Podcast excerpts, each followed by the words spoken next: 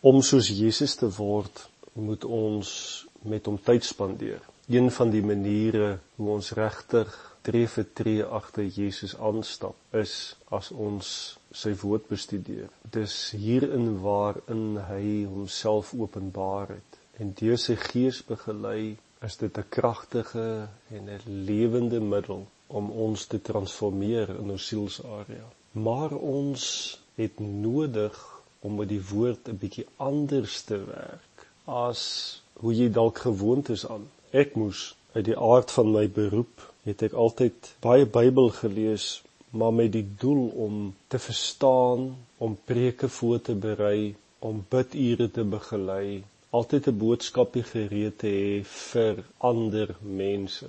En het ek vir 'n lang tyd nie die Bybel gelees as God is nou hier en hy praat nou direk met my.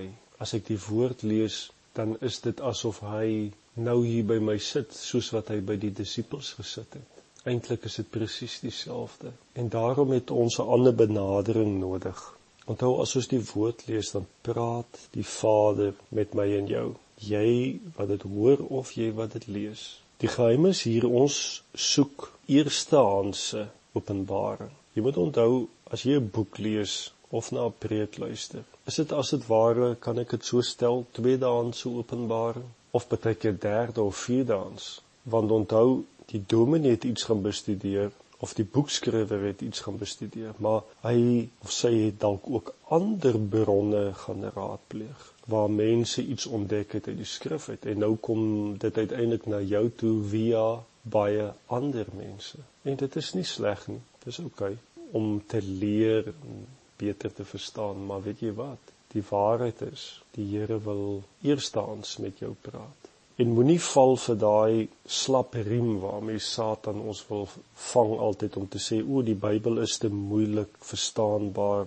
Nee vra vir Vader vooraf Here maak u vir my die skrif duidelik. Praat u asseblief met my en hy sal jou versoek eer. Onthou dis dieselfde Jesus wat met sy disippels gepraat het wat met jou praat as jy die Bybel lees Nog 'n gewoonte wat ons het as gelowiges bymekaar kom en hulle lees die Bybel saam, dan probeer ons elkeen verduidelik hoe ons dit verstaan, hoe ons dit interpreteer. En dan bespreek ons beginsels, ons deel ons opinies en voor jy kom kry is daar ook een of twee of drie wat leerstellings, dinge wat hulle langs die pad raak geloop het wat ander mense gesê het by die skrifgedeelte inbring. En op 'n manier besoedel dit alles die eintlike oefening. Die woord is 'n liefdesbrief. Die woord is 'n openbaringsbrief van God na ons toe.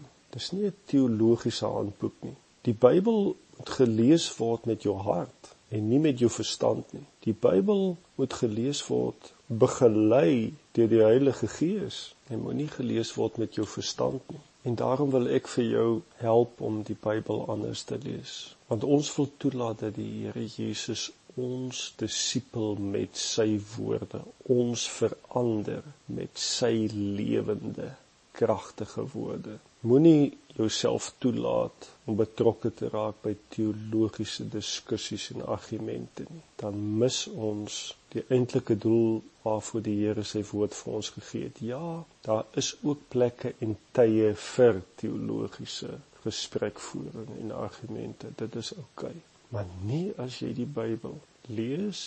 Dit is nie eintlik om goed te verstaan so seer nie. Dit is God wat met jou wil praat en jy wil luister. So dit kan jy op jou eie so beoefen. Ek sit saam met Jesus en hy praat met my en ek luister wat hy sê of as jy dit saam met medegelowiges of saam met ander lees, bou hierdie paar beginsels in.